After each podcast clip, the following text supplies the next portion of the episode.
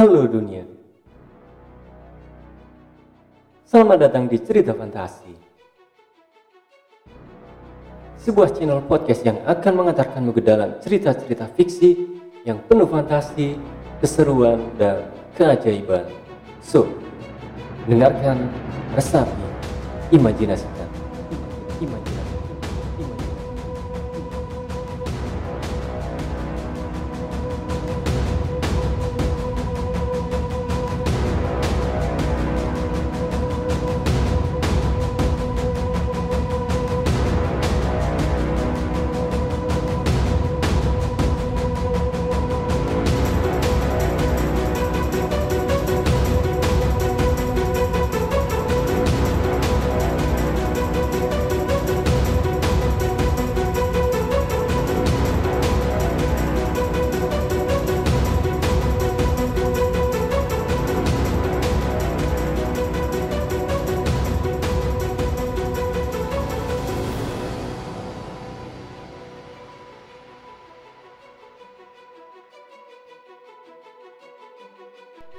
Oke guys, untuk episode kali ini ada cerita berjudul Surat dari Gaza.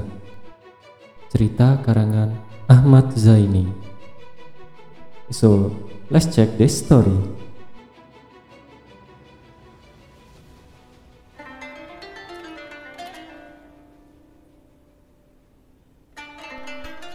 Sudah puluhan tahun Zainab menjadi TKW di Palestina. Dia berpisah dengan suami dan kedua anaknya ketika anak-anaknya masih sekolah di bangku SD. Berulang-ulang Zainab ingin pulang ke negaranya, akan tetapi selalu gagal. Zainab terperangkap oleh konflik yang berkepanjangan di negeri Yasir Arafat ini. Menjelang puasa tahun ini, Zainab juga berencana mudik ke kampung halaman. Dia tidak mampu lagi menahan rasa rindunya kepada keluarga yang telah ditinggalkannya sejak puluhan tahun yang lalu. Ia ingin berlebaran dengan anggota keluarganya.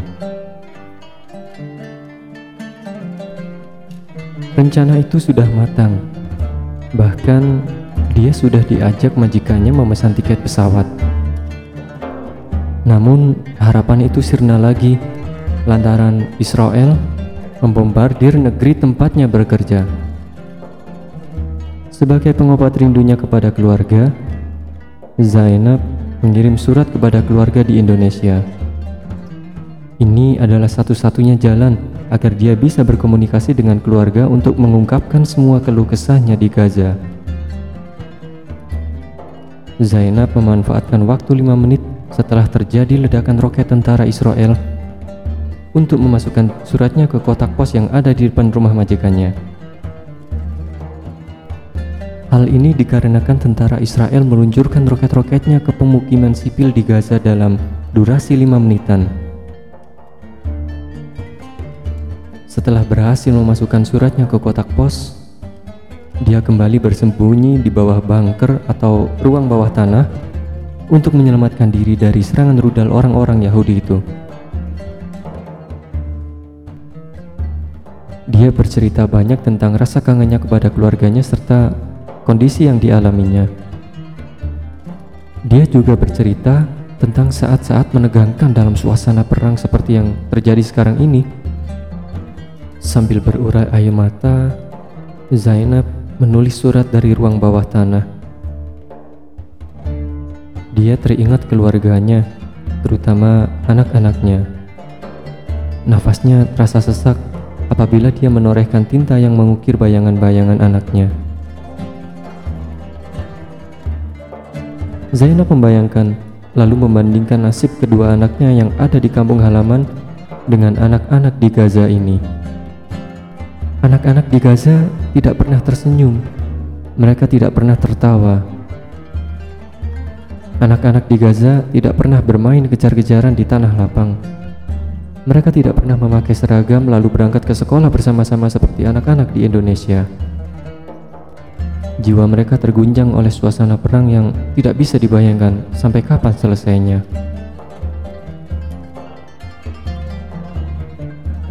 Zainab mengenang puluhan tahun silam ketika dia belum berangkat ke Gaza sebagai tenaga kerja wanita, sewaktu dia masih berkumpul dengan keluarganya. Saat bulan puasa seperti sekarang ini, ketika menjelang berbuka puasa, dia dan anak-anaknya jalan-jalan sambil menunggu maghrib tiba. Setelah terdengar beduk maghrib yang menandakan waktu berbuka puasa, mereka berlari-larian pulang ke rumah untuk menunaikan buka puasa bersama keluarga. Aneka hidangan yang telah disiapkan sebelumnya di atas meja makan telah siap dinikmati bersama-sama. Kedua anaknya menikmati masa berbuka puasa ini dengan riang gembira. Mereka makan sepiring nasi dan minum semangkok kolak kacang hijau sesuai dengan porsi masing-masing.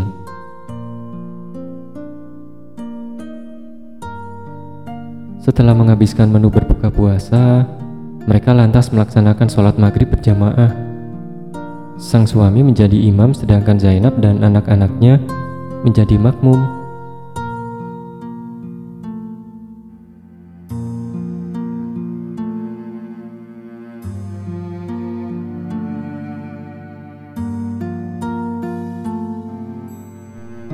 Usai menunaikan kewajiban itu, mereka lantas menggelar tikar di halaman rumahnya. Mereka duduk santai sambil menunggu waktu Isya dan Taraweh datang. Suasana yang membuat Zainab berderai air mata ketika dia mengingat waktu istirahat itu.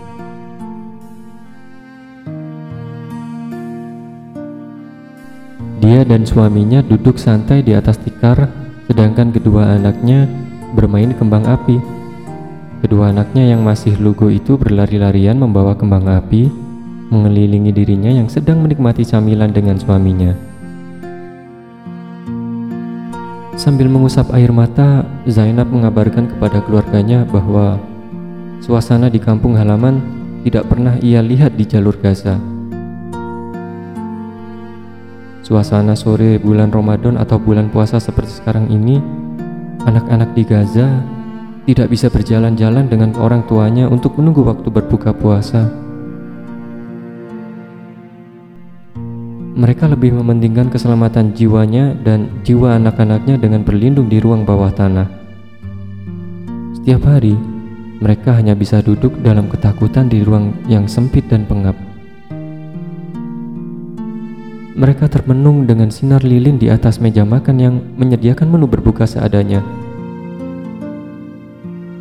Mereka makan ala kadarnya. Tak ada menu yang berlimpah di Gaza. Tak ada camilan seperti yang ada di kampung halaman. Tak ada singkong rebus, tak ada talas, tak ada kolak kacang hijau. Bahkan kalau tidak ada bantuan makan dari para relawan, mereka terpaksa hanya berbuka dengan seteguk air. Setelah itu, mereka duduk lagi dengan penerang lilin dalam suasana yang mencekam di ruang bawah tanah.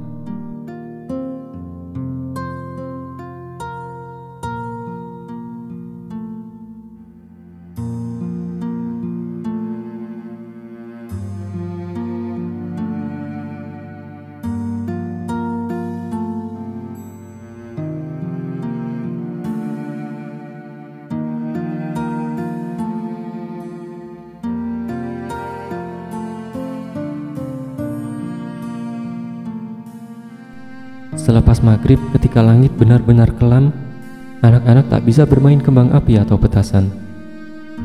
Mereka tidak pernah berlari-larian membawa kembang api lalu diikuti teman-teman sebayanya di belakang mereka.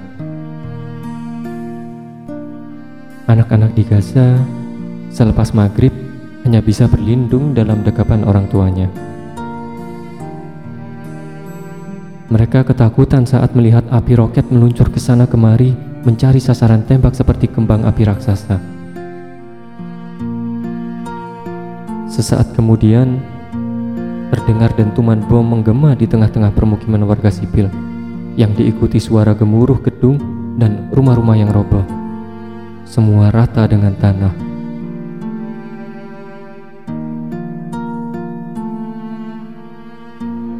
Jerit tangis anak-anak karena ketakutan pecah di tengah-tengah perkampungan.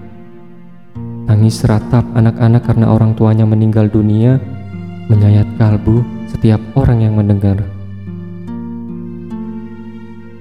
Mereka mencari orang tuanya yang tertimbun reruntuhan rumah. Mereka mengais-mengais serpihan bangunan untuk mencari orang tuanya. Akan tetapi, tangan-tangan kecil itu tak mampu mengangkat puing-puing bangunan rumahnya dan tidak bisa menemukan kedua orang tuanya.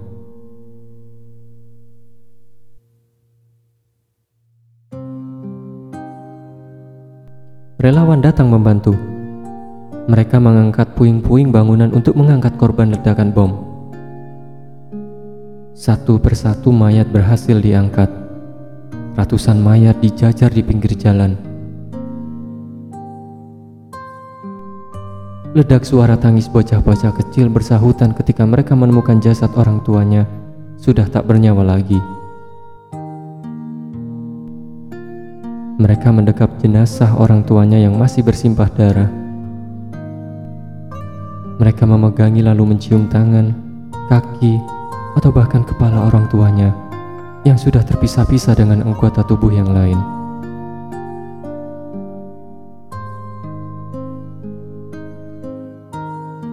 Allahu Akbar, Allahu Akbar, Allahu Akbar. Gema takbir berkumandang di tengah-tengah kerumunan warga untuk menguatkan batin dan mental mereka, para korban, kebiadaban tentara Israel. Anak-anak di jalur Gaza tak mempunyai rumah lagi karena hantaman roket para tentara Zionis Israel. Mereka tak mempunyai tempat berteduh, tempat berlindung, tempat bercengkrama, atau tempat menerima tamu saat lebaran nanti. Mereka tak mempunyai apa-apa selain jiwa jihad yang akan mereka gunakan untuk mempertahankan negeri dan martabatnya ketika mereka beranjak remaja nanti. Sungguh peristiwa yang mengerikan dan menyedihkan karena rasa kemanusiaan di negeri Palestina telah diinjak-injak oleh pemerintah Israel.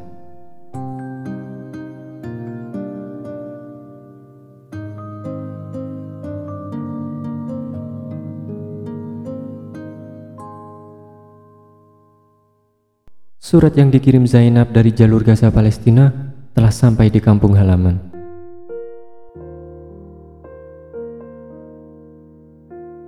Amiran, suami Zainab, mengajak anak-anaknya duduk di ruang tamu. Sofi, anak pertama Zainab, disodori ayahnya agar membacakan surat dari Gaza tersebut.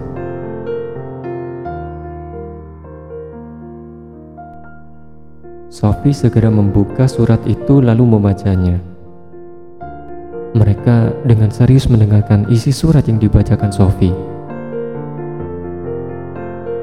Tanpa disadari, mata mereka berkaca-kaca. Mereka larut dalam penderitaan yang dialami oleh warga jalur Gaza Palestina, terutama nasib anak-anak yang kehilangan orang tuanya. Mereka hidup tanpa orang tua mereka hidup tanpa rumah, mereka hidup di pengungsian dan menggantungkan hidup pada kedermawanan orang lain. Lembaran surat yang dipegang oleh Sophie tiba-tiba bergetar. Getaran itu semakin lama semakin dahsyat karena Sophie membacanya dengan penuh emosi. Kertas surat itu perlahan jatuh di pangkuan Sophie. Tubuh Sophie lemas tak berdaya Kedua tangannya lunglai di pangkuannya. Suami dan anak-anak Zainab ini kemudian saling berangkulan dengan berderai air mata. Mereka mengingat nasib Zainab yang sudah puluhan tahun tidak pernah pulang kampung karena terjebak di negeri yang tak pernah berhenti dari peperangan ini. Dalam suasana haru ini, Amiran membisikkan pesan kepada anak-anaknya agar mereka tetap tabah, sabar, serta memohon kepada Allah agar konflik di Gaza segera berakhir dan ibunya dapat pulang ke kampung halaman dengan selamat.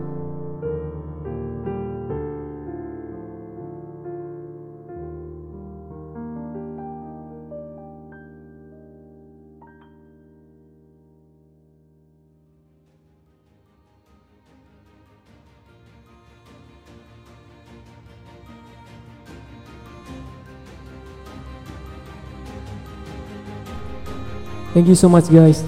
Terima kasih telah meluangkan waktumu di podcast Cerita Fantasi. Nantikan episode dan cerita-cerita seru lainnya yang tentu tak kalah menarik. Akhir kata, sampai jumpa and see you next time.